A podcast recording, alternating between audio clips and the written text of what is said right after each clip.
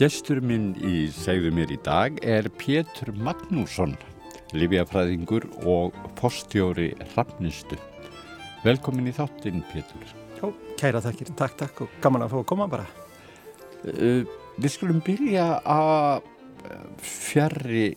til stað sem við erum nú og við förum til Eþjópíu en þú fórst í mikla æfintyraferð í Símien þjóðgarðin. Já, já. Ég var þar í, í oktoberi fyrir á samt Yngibjörgu eitti sig Yngimarsdóttur eða Yngu, koninu minni. Og við höfum það samilega áhagamála að vera mjög mikið fyrir það að vera úti í náttúrunni, gunguferðum og, og, og slíku það sem að hún njótaði sem landið okkar hefur upp á bjóða og, og svo ferðist líka stundum Erlendis sem okkur finnst mjög skemmtilegt. Og við vorum í, já, mikillega æfintýraferði í fyrra, viðst, þú vilt byrja, byrja að spjalli þar að sagt, uh, í Símien þjóðgarðinum í Eþjópíu og uh, það er nú staður sem er svona frekar afskektur og ekki margir íslendingar komið að það og raunni ekki margir ferðamenn að fara að nefur höfuð. En þetta er svona háfjallað þjóðgarður, segja, norðaustalega í Eþjópíu, ansi, ansi stór og, og þar vorum við í eina tíu daga og, og vorum með sem sagt gistum í tjöldum því að á þessu svæði er, er bara bílvegir svona í byrjun og endan á, á leiðinni sem við fórum. Og vorum síðan bara gangum slóðir þarna, þorp og, og kynna okkur menningu og, og mannfólk og, og málefni sem, sem þarna eru, í, eru á ferðinni og reynir bara kynnast aðstæðum sem að stór hluti fólks í Eþjópiu bara býr við og og það er þá kannski, þetta er ennþá fátæk þjóð þó að hagvöstur sé farin að aukast og hefur vaksið gríðarlega á síðust árum að, að þá er rosalega fátækt og sérstaklega uh, því uh, sko afskektara sem maður fer því þá er maður bara að upplifa allavega fyrir okkur uh, alveg ótrú, ótrúlega hluti að, að sjá svona lífstíl sko ekki lengra frá okkur en nokkra klukkutíma sko og, og Þannig að það má kannski, maður getur sagt að, að, að fyrstu svona 2-3 dagana kannski voru, voru nú bilvegir í nákrenni við okkur, við okkur en, en síðan erum við bara farin að ganga á moldarslóðum þar sem við erum að lappa milli í svona sveita umhverfi eins og maður segir, þar sem að fólk býr í, í, í moldarkofum. Og það er ekkit ramagn, það er ekkit vatn og engi vegir eða neynir gungustígar heldur svona moldarslóðar bara og þar að leiðandi er þetta er rauninni algjör sjálfsturtar búskapur. Moldakóni voru reyndar flestir með bárjástaki af því að regningatímbili getur erfitt. En að öru leiti voru þarna, voru rauninni bara að nýta uksa og, og, og, og astna og önnu slik dýr til, til svona í, í búskapnum. Og rauninni fólk aðna átti sjálfur sem bara ekki neitt nema mikið meira enn fötinn sem það stóði og kannski eitt, eitt, tvei hústýr og raunni það að fá svona ferðamennis og okkur hérna e, var í rauninni bara mikil upplifun og, og, maður, og þarna býr fólk mjög þjætt og margir í sama húsi og þetta myndi svolítið kannski bara á, á frásagnir á Íslandi svona bara fyrra öldum. Og en það sem var samt merkilegt að upplifa og, og svona sérstakt en, en jáfnframt ánægilegt var að sjá hvað fólki var lífsglatt samt og uh, kynnast í svona hvað að segja, orginal ef við getum satt sér svo leiðis og, og sjá að við komum kannski inn í Þorp þar sem að voru, okkur fannst ekki vola margir kofar, þá kannski bygguð þar 5.000 manns og, og svo var þetta kannski eins og í bíómynd þegar við lappaði inn í Þorpið við svona hvitt fólk sko að, að þá kom bara svona krakka hrúa hlaupandi til, a, til að skoða okkur og koma við okkur. Og uh, í rauninni voru ekkit að betla peningan til að þau voru meira kannski að byggja um penna eða bara bara að fá að koma við okkur og sjá okkur og svo sá maður litli bönni voru svona reyna að vera höguð og, og koma nálat okkur og þannig að þetta var svolítið upplifilsi og við vorum hérna með nokkur breytum með okkur vorum tímanna hópur og vorum með alveg 15 manna fylgdalið og þetta fannst okkur svolítið sérstatt fyrst þegar við heyrðum, heyrðum að því en, en það var þarna sagt, kokkur með okkur menn sem voru að bera farangurinn Við vorum með leiðangustjóra og svo vorum við tvo vopnaði verði. Og annars vegar þurftum við að vera með þá bara e, til þess að e, ef við myndum verða fyrir einhverjum villidýrum eða einhverju slíku. Gerðist til dæmis einanóttin að koma hýjenur inn á tjálstæði hjá, hjá okkur. Og en, en síðan er þetta ákveðu öryggistæki líka bara gagvart fólkinu því að í rauninni vestrænt fólk svona vennilegt fólk sko það er, er, rauninni bara eins og greifar í augum þeirra því að við eigum svo mikið eignum og hlutum sem að, sem að þau bara kannski sjá aldrei æfinni eða eitthvað þess að þar og þannig að það er svona ákveðin bara hægt að fólk fólk lendi óvart í því bara að fara, fara að taka eitthvað af okkur eða eitthvað þess að þetta er svona bara öryggistæki. En við vorum hins vegar síðan í eh, mikilli hæð, þannig vorum að reyna að ferðast í svona 3000-4000 metra hæð og þannig að það er ekki mikið kannski að svona vildu dýralífi, það er ekki mikið af, af hérna, eituslungum eða neitt svoleisa á þessu svæði. En hins vegar gáttu verið rándýr og, og, og það voru líka sérstakir apa, sérstakir apategund sem, a, sem að lifir bara á þessu svæði, einastæði í heiminum og það var gríðarlega gaman að fylgjast með því því að þetta voru svona apar sem að ferðust í stórum hópum, kannski 500-1000 saman og þeir voru svona alveg þokkala sáttir við fólk þannig að, þannig að hóparnir fóru svona stundum í kringum okkur og þá var maður bara að setja rólegur og fylgjast með því að það var um allt með að það var engar skindilega reyfingar eða maður var ekkert að augra þeim því þeir gátt, gætu verið grimmir en að öðru leiti voru þeir bara í kringum okkur og það var ótrúlega upplifið allt. En, en eh, sko það sem eftir stendur að, að ferða svona milli, milli þorpa og, og, og, og er, er kannski hvað runni þetta fólk gerir runni langt á eftir bara vestrun samfélögum í, í í rauninni bara lifnarháttum en, en samt sko lífsglatt og, og, mm. og, og ánægilegt og það kannski segjum nú ofta eina eftir, mjög eftirminnilega sögu þarna úr þessum ferðum þegar við vorum að gangi yfir fjallarskar sem var í fjögust metra hæð sem er þannig sem að margir finna nú fyrir háfjallaveiki sko og en að þá mæti við manni og konu og flestir á þessu svæði sko áttu bara ekkert nema fötinn sem stóði í og þau voru oft gömul sko. Og þau eru að koma lappandi þarna upp sem setja á mót okkur, við erum að, að fara niður úr skarðinu, þau eru að koma upp. Og þá sjáum við að maðurinn er með eitthvað bakinu og leðagastjórun okkar segir þetta er ábyggilega hjón að fara með veikt badd til lækni, segir hann þegar þau eru að nálgast okkur. Og við sjáum að, að maðurinn ber svona fjögra, fimm ára galvan strák á bakinu sem var greinlega veikur, maður sá það bara augunum á hann og svo leiðis og þá er unni sko voru þau að lappa úr þorpinu sínu yfir í næsta þorp þar sem hafa læknir. Og það er svona svipað og fólk myndi lappa kannski úr Mórselsbæ yfir Esjuna og, og, og út á Kjallanes til, til læknis sko. Og, og þetta þannig að það fóru vantilega allir dagurinn í þetta. En þessi mismunun já, þegar fólk horfir á ykkur sem eru auðsjálega miklu ríkari og, og raun og bara frá annari öll það er enginn afbríð sem það er ekki, fólk er ekki að bera saman og, og fyrir að svona verða ósáttari við sitt hlutstíl Í, sko við erum nú kannski ekki sérstaklega vör við það sko. En, en, en sjálfsagt hlýtur það að koma sko. En, en kannski ef þú þekkir ekkert annað og það var eins og maður sjá krakkana í þessum þorpum verið ofta að leika sér þau áttu kannski ekki boll þau voru að nota sokka eða skintöðru kannski og að henda milli sín og, mm. og þau, við vorum stundum að leika við þau og þeim fannst það mjög gaman þannig að þau nuti alveg virtust alveg njóta lífsins en þetta veldi maður ábyggilega að hugsaðu sitt svona þegar þau þroskast en, en, en, en þetta er náttúrulega já, tölvert sérstætt að upplifa þetta og, og og þetta er 2 eh, miljóna þjóð þar sem að stæstu hlutin býr bara í svona sveitum afskekt og, mm -hmm. og, og, þarna, og þegar við vorum með að keira á bilvögum þá var eiginlega mjög mikið fólki bara lappandi það reyna átt ekki faratæki og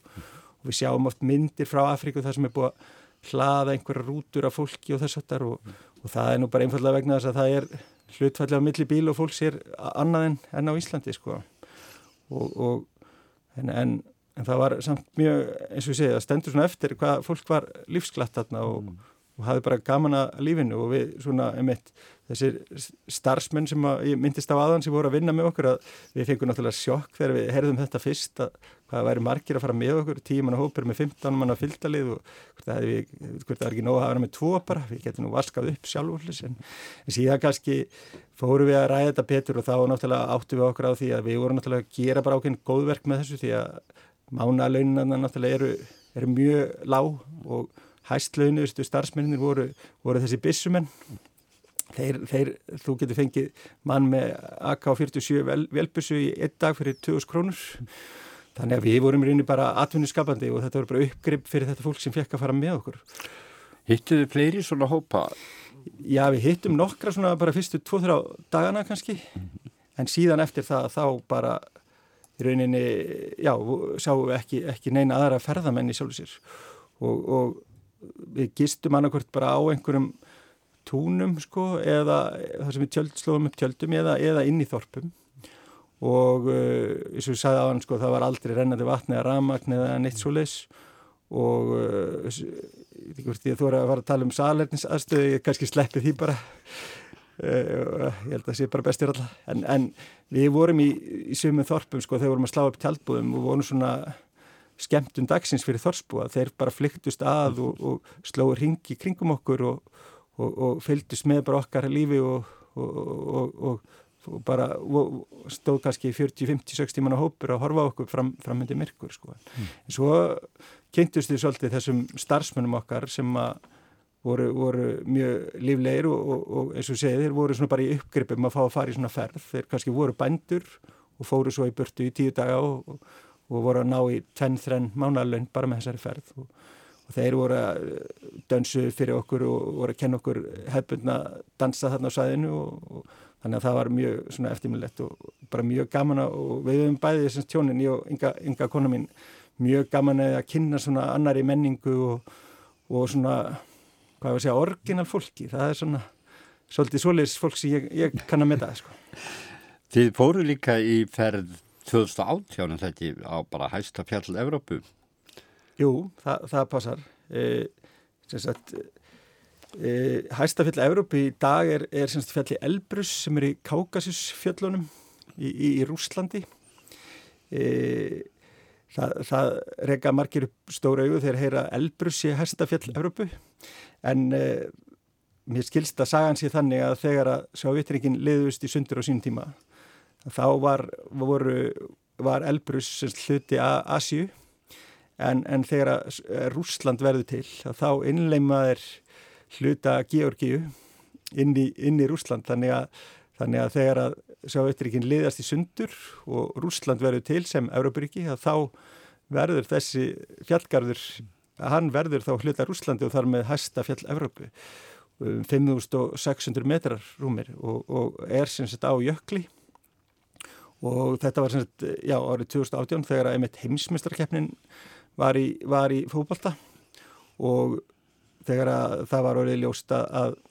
Ísland væri komið hanga því að knaspirna er nú svona eitt áhagamálum hjá mér og, og, og sónum okkar sko þá voru við nú að ræða það mikið í fjölskyldana hvort að við erðum ekki að reyna að skoða hvort við getum farið þarna því að þetta væri nú kannski eina skipti á æfinni hjá mér og jafnvel hjá sónunum sem að Ísland væri að keppa í svona í úslita keppni heimsmyndstarinn mótis í fókbalta og og þá duttum við nýra á þessa snildar hugmynd að, að samina það að fara í fjallgöngur Úslandi og, og fara á heimsmyndstarkefnina. Þannig að við förum sérst öll, eða sérst förum fjölskyldan, ég og ynga konu mín og, og strafgöndur okkar tveir á leikin, þannig að fyrsta leikin Ísland-Argentina og síðan fara strafgöndur heim en við ynga ákvæmum að fara tvö áfram í, í mikla æfintyraferð inn í upp í Kákasusfjallinu og, og ganga á þetta fjall Elbrus. Og, og vorum þar í eina nýju daga í hæðarallögun og, og, vorum þarna bara með heimafólki sem að, sem að tók okkur að sér eða, eða vanir fjallgöngumenn sem, sem sáum okkur og rauninni áttum bara mikið ævintýri og komumst á átindinn og á tilsettum tíma í blískaparveðri og það var svona mikið ævintýri að upplifa þetta og kynnast einmitt Rúslandi svona utan stórborgarna, svona, svona þessu sveita samfélagi þar sem sem að fólk lifir svona ég, það er nú ekki eins frumstætt og, og, og ég var að lýsa í Eþjópíu sveita hér um þar en, en, en þarna var alveg magnað að kynast, kynast hérna, landi og þjóð og þessari menningu og, og stemmingunni í kringum þetta. Við vorum fengum til dæmis mjög reyndan farastjóra með okkur bara rúsa sem hafa búin að ganga tvísar til dæmis á Mount Everest og annarskiptið án súrefnis sem, sem þykir nú mikið afreg sko. Og hann hann svona gaf okkur góður að og var mjög, mjög hress og skemmtilegur og þannig að við áttum mjög skemmtilegan tíma þarna og, og, og þetta var svona mikið upplýðilsi og allt annað dæmi. Og, og það sem er ofta skemmtilegt við svona ferðir að fólk spyr stundum er þetta ekki alveg rosalega dýrt að fara í svona ferðir? En það þarf ekki endilega að vera það sko, það er oft kannski dýrt að koma sér á staðin en síðan að vera á þessum svæðum rauninni kostar eiginlega ekki neitt sko. Það er bara verðlægið er bara sko allt annað. Það er kannski bara þótti alveg okkur sumstaðar að, að borga 50 krónur fyrir kókflösku kannski En sko þetta er annað lífið þitt, annað líf til lífsins já. Mér langar að skreppa hérna og fara aðeins í það sem þú ert að gera dagstæli þú ert fórstjóri hrafnistu sem er risastort fyrirtæki Já, og það já. er þitt daglega líf og Já, þetta já. öðruvísi heldur en, kannski- heldur en perðarlegi. Já, já, já, það er svona daglíf. Ég var sem sagt e, ráðinn ungur árum til að stýra hrafnustemilunum. Ég er búin að vera þar sem sagt í 12 ár og var 36 ára gammal. Hvað kom til? Meina, Já. Var það þetta sem þið dreymdi um þegar þú varst ungur? Nei, ég held að ef þú spyrðir fólk um þrítugt hvort að það sé þeirra, eða tvítugt að það sé þeirra stærsti draumur að stýra ellihimili, þá held ég að finnir rosalega fáa sem myndu segja það sko. Og ég, það var sannlega ekkert inn í kortanum hjá mér en það er einhvern veginn aðtökaðast hann fyrir algjör og tilvílun að, að, að hérna, stjórn trappnistu var að leita að nýjum fórstjóra og, og, og það er algjör tilvílun að, að ég lendi er einn af þeim sem er búðar í viðtal þar sko. Og það var neila bara svona, já, bara algjör tilvílun ég var að, bara, skil, þetta var að vinna í sama húsi og ráðningastofan hagvangur og var nú einhvern veginn að segja við þau svona meiri grínin alveg að því að hittu svona oft í samilu matsal sko, þegar þið komið finnir drauma starfi fyrir mig sem hendar mér, þá, þá nippið í mig sko. Síðan, og þetta var svona meiri grín í alvörun en samt kannski pínu alvöru og ég held að var alveg átt að segja því. En síðan allt í einu bara nokkur mánu setna þá ringjaði ég og segi, herru getur ekki komið inn í viðtal bara á eftir? Og, og hérna, ég held að sé bara með starfið, bara þetta er bara þú. Og ég bara ha og, og, og var frekar hissa svona já, heldur að ég sé góður í að stýra, stýra svona öldrunna þjónustu segi ég já, já, þetta er bara þú, seg, seg, segja þau ekki og, og ég fer í starfsviðdali svona meira í gamlein alveg eiginlega sko en, en þegar við, við vorum búin að ræða saman og, og ræða bara mína sína og hluti og, og þeirra þá bara small þetta rosalega vel og þeir hérna, eða stjórnin tekur það ákverðin að ráða hana 36 ára gamla manni í að stýra hrafnisteimilunum. En þú hefur nú átt þetta bakgrunn, þú hefur búin að uh, pölsnum að því livjafræði og, og stjórnun. Já, já, ég kannski var, tikkaði tikka, kannski í bók, ekki, já, bóksin það sko. í. Nei, nei, en, en síðan náttúrulega eru liðin sko 12 ár og, og, og hérna, eða rúm 12 ár og, og það er bara allir dagar búin að vera skemmtilegir þannig að þetta er einn besta ákvörðun sem ég teki í lífinu að stökki þetta og sé ekki eftir því og, og síðan eh, hefur þetta raunin bara vaksið og dapna Hrafnist er bara eitt stærsta fyrirtæki í íslenskir helbyrðistjónust í dag. Við erum með starfsemi núna átta stöðum eða erum átta hjókunarheimili og, og erum með um 1500 starfsmenn. Og erum að þjónust um rúmlega þúsund aldrað á hverjum degi í annarkvært í hjókunarýmum eða, eða dagtölum og uh, þannig að þetta er svona eiginlega bara eins og lítið samfélag eða stort, meðalstort íslensk sveitafélag sem maður er að starfi í og, og, og náttúrulega kynnist og algjör fór réttind að vinna mikið að rosalega flottu starfsfólki og kröftu fólki svona eldtugar sem að redda öllu og, og gangi allt og þannig að það er bara fór réttind að fá að vinna með svolítið fólki og svo kynnist maður náttúrulega þetta fullta íbúum og þjónustu þegum hjá okkur sem að sem er, já, maður segir nú ofta, þetta er í rauninni allt litrúið af samfélaginu, það er á hjókunarheimilum mm. og, og í rauninni allt sem gerist út í samfélaginu, það getur gerst einu á hjókunarheimili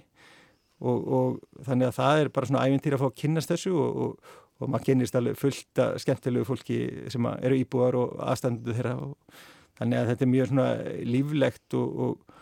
starf og, og, og gefur mér bara mjög mikið og, og ég hef verið svakalega ánæður og runni. allir dagar skemmtilegir og þetta er mjög skemmtilegir en, en yfirleitt er þetta bara mjög skemmtilegt sko. En þessi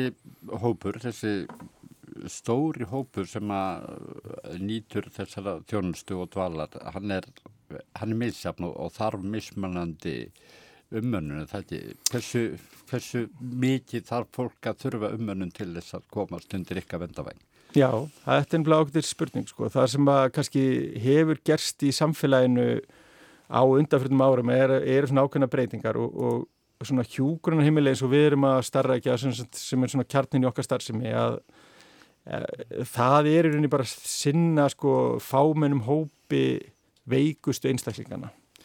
Sko ef við bara ræðum um umhverfi kannski helbyrjastjónustunar þá er það nú þannig að, að,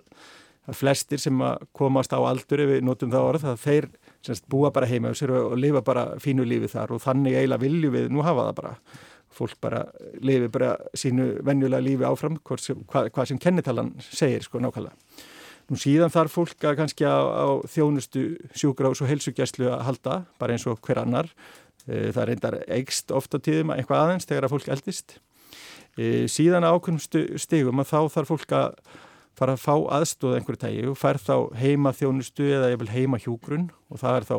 einhver innlit e, einu sinni viku eða tísar viku eða e, á hverjum degi. Síðan eru við með þjónustu sem heitir dagdvalir, dag, dagþjónusta þar sem að sem fólk í rauninni kemur og það er svona aðeins stuðning við að búa heima þá kemur það kannski einu sinni, tvissvar, þrissvar, jafnvel fimm sinnum í viku á í svo kallar dagdvali sem annarkvæmst sveitafjölug eða hjúgrunarheimili er eitthvað eða, eða einhver félagsamtök, það er svona aðeins smísaft En þið eru með svo leiðis Já, við erum með, með það á öllum okkar hjúgrunarheimilum mm -hmm. og þá kemur fólk sem dvelur við daginn, tekur þátt í félagsstarfi fær skoðan mat og, og, og svona félagslega örfun og, jafnvel líkamlega örfun tekur í, þátt í leikvimi og einhverju slíku og, og fer svo heima aftur á kvöldin og, og þetta gerir það verkum að fólk getur búið lengur heima. En síðan kannski kemur það að ákveðinu stíi í, í bara lífinu að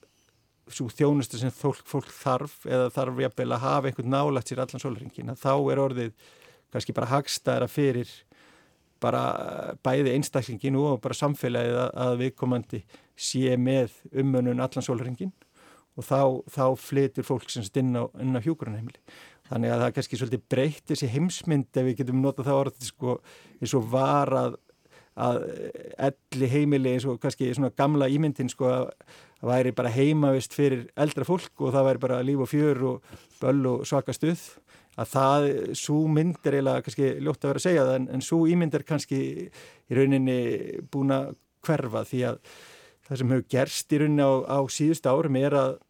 öldruðum er að, eða Íslandingum er auðvitað að fjölga mikið sem, sem er bara ánægulegt en, en öldruðum hefur að fjölga hlutfalslega uh, mikið líka. En það sem hefur gerst að úrræðum fyrir aldraða eins og hjúknarýmum eða, eða dagdvalarýmum eða slikt, þeim hefur ekkert fjölgað í neinu samhengi við fjölgun aldrara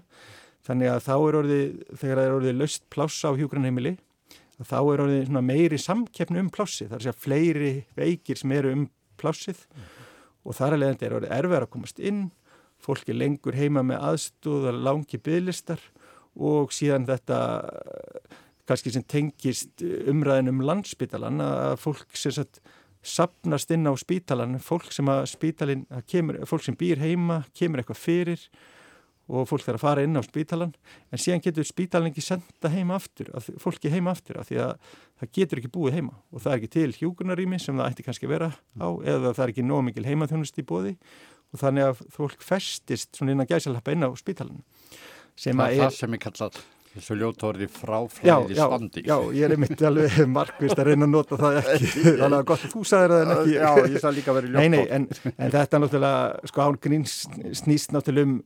lífsgæði fólks að, að það er náttúrulega gett að bjóða fólki upp og það að vera inn, inn á spítala dögum, vikum eða mánuðum saman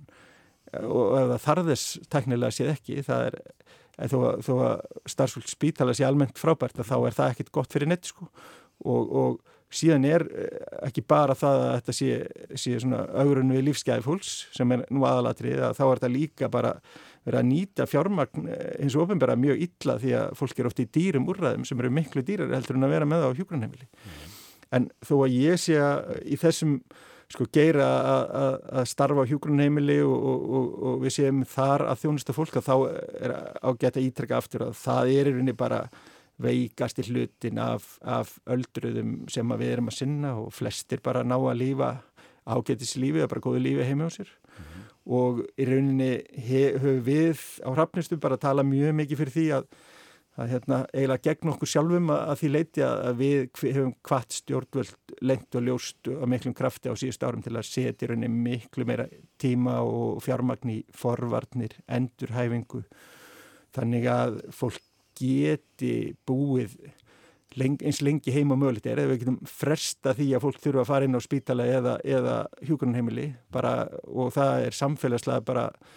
mjög mikilvægt bæði náttúrulega fyrir lífsgæði fólks að, að geta búið lengur heima sem, sem hressast og, og ekki síður að þá spara það líka peninga fyrir samfélagið að fólk geti verið lengur heim og, og, og það er svona sem rannsóknir sína það að, að með einföldum útreikningum að fyrir bara hvern mánu sem við spörum það að fólk þurfa að koma inn á hjúgrunheimili að, að þar eru að spara samfélaginu miljóni króna á hvern, hvern einstakling og, og þarna, þarna getur, getur samfélag okkar gert mjög miklu, miklu betur. En það er þarna svona svo litið öðruvísi búseta líka, það er fólk sem býr í einhverjum íbúðum eða svona er ekki eins veikt? Hva, já, hva, já, hvaða já, hópar er það? Að, sem sagt, eh, sem sagt, við á hrappnistu höfum verið að skoða. Eða raundi eigandin okkar sem er, er, er, er sjómanadagsráð mm. sem er samstarfsvettfangur stjættafélag sjóman og höfuborgarsöðinu sem stopna var 1937 og um, þannig að hrappnistað er ekki eigu ríkisins eða, eða, eða sveitafélag heldur, heldur eigu sjómanadagsráðs þannig að við, kannski rétt að taka fram að við erum svona svo kallað non-profit fyrirtæki hefum á sletta eða, eða, eða fyrirtæki sem er reikið án fjáraslega ágóða sjóna með þannig að það er aldrei verið að taka peninga út úr kerfinni okkur heldur. Ef það er ekstra afgangur eitt dag þá, eitt árið þá fáum við bara eh, kaupum við bara nýja stóla á næst árið eða, eða fáum, fáum einhvern tónlistamann í heimsók Kristján Jónsson til að halda auka tónleika eitthvað þess að þar en það sem við höfum náttúrulega séð eftir að þessi þróun byrjaði að, að það sé svona erfitt að komast inn á hjúgrunheimili og, og, og þá höfum við séð að það er komið svona þörf fyrir fólk sem að e, vill búa í namt við hjúgrunheimili og, og þjónustum í stöðu fyrir aldrað og sjómanandarsráð hefur, hefur þar að stopnaði fyrirtæki sem heitir Nöstafur sem er í rauninni að reysa og reka leigu íbúi fyrir aldraða. En það er þá almennu markaði og algjörlega fjárharslega aðskilið sem svo trafnustæmilun þó að þetta, þessi fyrirtæki vinni mikið saman. Og þá er þetta rauninni bara að hugsa sem valkostur fyrir þá sem vilja kannski leia íbúðir og eru þá nálagt hrafnustu eða, eða, eða þjónustumistöðum og, og, og geta þá komið í mataþjónustu og eru kannski í líka bara félagskap við fólk sem eru á svona svipuðu reki og svipuðum lífstakti eins og maður segir. E, og, og það sem meina með því er að fólk sem býr kannski í blokk í vestubænum að, að þar er fólk sko þannig að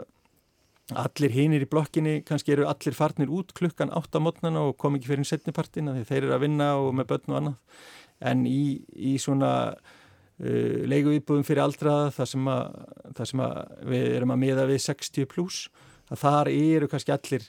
svona í sama lífstakti, fara saman í mat og eru saman í einhver félagsstarfi og, og njóta svolítið lífsins saman. Að myndast oft góð, góð tengsl millir fólks í, í svona, svona hópum og, og þetta er auðvitað bara valkostur fyrir fólk, þetta hendur ekkert öllum en, en margir eru hrifnir á þessum mörgum, mörgum liðu vel. Og... En þú segir þetta sé fyrir 60 pluss en er það þá ekki eitthvað stilirðið að fólk þurfi raunverulega á eitthvað þjónust að halda þetta sé ekki svona luxusúræði? Nei, nei, þetta er raunni Nei, nei, sko, fólk bara velur þetta alveg sjálft og, og, og sko, í rauninni þjónustan inn í íbúðunar er ekki á vegum hrafnistu, heldur, heldur er það bara áfram á vegum sveitafélagins, mm. en svona þessi almenna heima hjúkurinn heima þjónusta, en hins vegar við verið að bjóða upp á örgisvöktun og, og svona ákveðu örgi að fólki. Að það er kannski innangengt inn í matsal og í félastarf, tónleika og ímsleitt fleira. Þar sem að sem er í rauninni mikill kostur til dæmis bara í íslensku veðufari þar sem fólk bara ofta er auðvitað með að bara fara úti bara eins og veðri er í dag til dæmis. Ég til svona að því ég er alveg 60 pluss og fullt raustum aður ég geti lekt svona íbúð. Já, já, þú geti það. Ó. En er þá sko út af þessari þjónustu miðstöðum sem eru raun og veru rafnistu heimilin eru er þá ekki vinsælt svona hjá eldra fólki að að eignast húsnaði í námynda við ykkur? Er þetta Jú. ekki vinsal hverfi orð? Jú, jú, þetta verður það oft og, og ég hugsa kannski bæði laugar, laugar ásinn þar sem að fyrsta hrafnistan er staðsett að, að þar, er, þar er náttúrulega hár meðalaldur ég veit ekki kannski nákvæmlega út að hvort það er út af hrafnistu en, en það svona nýtist, nýtist vel Reykjavíkur borg er með þjónustum íbúðir hérna á sipum stað og fleira sem er innangengt yfir á hrafnistu til dæmis líka þannig að, þannig að það er kostur og svo erum við með í hafna fyrir því líka það sem að hrafnistu búin að vera í rúm 40 ára þar, þar er líka svona hverfi sem að e- eða svona, já, já, lítið hverfi getur við sagt það sem er, er, er hefur svona já, sapnast saman eldra fólk kannski út af, út af þessu og, Bæði pjörðarslega og, og, og líka út af heilbriðis. já, já og, og það er unni ekkit sko að sjálf sér að bara kostir við það. Þetta er bara ákveðið form sem að mörgum þykir spennandi og ánægilegt og, og er bara valkostur og, og sem kemur einmitt inn á það að, að alltaf þegar maður er að ræða öldrunamála að þá þarf maður þarf maður ofta að brína fyrir þeim sem yngri eru að, að aldraðir er ekki einsleitur hópur sem að, sem að maður getur flokkað í einhverja kassa heldur, heldur hérna er, það, er fólk mjög ólíkt og, og mín reynslega nú svo að, að eftir því sem fólk eldist því, því ólíkari verður, verður hópurinn og það það þurfa að vera mörg úrræði og margi möguleikari bóði og, og okkur hættir svolítið til sem störfum í sem gera sko að við erum alltaf að reyna einfalda hlutin og reyna að gera alla eins en eins og maður segir stundum þegar maður að tala um eldurinn mála það er bara ekki náttúrulega mála að daginn sem hafa verður 70 úr að þá byrja maður að hlusta á harmoningu tónlist og finnast hún æðislega eða borða slátur eða maður hefur aldrei gert áður og, og, og þannig að og þetta er nú svona umræða sem maður er ótt líka að taka með, með starfsfólki hjá sér því að við erum með mikið ungu starfsfólki sem sem er bara frábært og, og þá þurfum við með að ræða þetta að fólki er rosalega ólíkt og sömu vilja að sofa út á mótnana og það er ekki algilt að, að eldra fólk vilji vakna klukkan 7 á mótnana sko. Svona í lokin einmitt þessi, sko, þessi starfsemi kallar á mjög stóran starfsmannahóp og vantarlega ólíkan innbyrðis. Já, sko, það, við erum náttúrulega þannig starfsemi sko, að við í rauninni getum aldrei lokað. Við erum bara opinn alla dag ársins, allan sólarhingin og þar að leiðandi þurfum við að treysta mikið á, í okkar starfi á svona ungt fólk kannski sem er skólafólk sem tekur þá kvöld og helgar og nændur og ymmislegt fleira og ég held að það sé bara gaman uh, orðið hjúkurinn heimili felur í sér orðið heimili. Og þetta er náttúrulega bara heimili fólks sem, að, sem að þarna er. Og, og, og þannig að við reynum að og stefnan hefur svo hjá okkur og síðustu árum að reyna að gera umhverfið eins heimilislegt og mögulegt er þó án þess að það komi niður á kostna gæðana og bara svona einföld aðgerð eins og við fórum í fyrir um tíu árum síðan að hætta að láta starfsfólk vera í svona spítalafötum heldur vera í venjulegum fötum í vinnunni sem var þótti mikil bylting á sín tíma að það þykir í dag og verði bara mjög sjálfsett og það er svona eitt af því sem gerir þetta hvað heimilislegast af öllu þó, þó að margir smái hlutir geri en, en bara það að starfsfólki sé í vennilegum fötum að þá líður meira eins og heimili og, og við erum svo sem að brína líka fyrir fólkinu starfsfólkinu okkar alltaf. Við, við erum inn á heimili fólks og, og reynum, að, reynum að hafa okkur í samræmi með það við, við komum bara inn á heimilis fólks og erum að vinna þar en, en ekki auðvitað að, að starfsfólki er, nei hérna, heimilisfólki okkar er ekki inn á vinnustanum okkar að trubla okkur sko Er erfitt að manna þessa, þessi störf? Sko það er svolítið, það er mjög sveplót. Mm. Þegar ég byrjaði í ársbyrjun 2008 á Hrafnistu, þá var aðalverkefni bara 90% af mínum tíma fór í alls konar mönnunamál og þá var bara algjör skortur á starfsfólki. Síðan kemur hérna efnagsrun í oktober og þá bara var þetta algjörlega umvend, þá bara voru byðrar af starfsfólki. En svo hefur þetta svona síðan verið kannski að ná svona ákveðni jafnvægi e, það er e, kannski mætti vera aðeins meira úrvala fólki en, e, og sérstaklega fagfólki en, en okkur á Hrafnistu hefur nú tekið samt mjög vel að svona í heldina myndi ég segja að manna og, og eins og við vorum til dæmis að opna nýtt hjúgrunarheimili bara í síðustu viku inn í Fossvægi þar sem er ný, fyrir 99 með 99 hjúgrunarrýmum þar erum við nánast búin að manna allt og all, allir hjúgrunarfræðingar komnir og þess að það sem er, er bara mjög ánægilegt sko. Og er öll rými orðin upphaldið? Já, já, það er sem sagt verið bara að vinna í því núna þessa dagana bara að flytja inn fólk og, og það verður fullt bara um leið og við bara treystum okkur til. Það er, það er svona ágætt regla í, þegar maður opnar nýtt hjúgrun heimilega að þetta er ekki skynsælt að taka inn alla sama daginn heldur, það eru teknið nokkrir á hverjum degi þannig að þetta er svona nokkra vikna ferli að taka inn, það er bara að fer ákveðin svona orka og tími í það að taka að þegar nýr íbúi kom, kemur og maður þarf að gefa viðkomandi og fjölskyldunans ákveðin tíma og ákveðin næði og svona þannig að það er ekki gott að sé allir að koma í einu og þetta verður bara eins og að flugstu sko. Pétur Magnússon, Lífíafræðingur, við fórum ekki til það og fórstjóri rafnustu tilnast þarna tveimur heimum úr lífiðinu annars vegar þar sem þú gerir þegar þú átt frí Já. og kemst í fjallgöngur og hins vegar daglega starfa rafnustu við ætlum að ljúka þættinum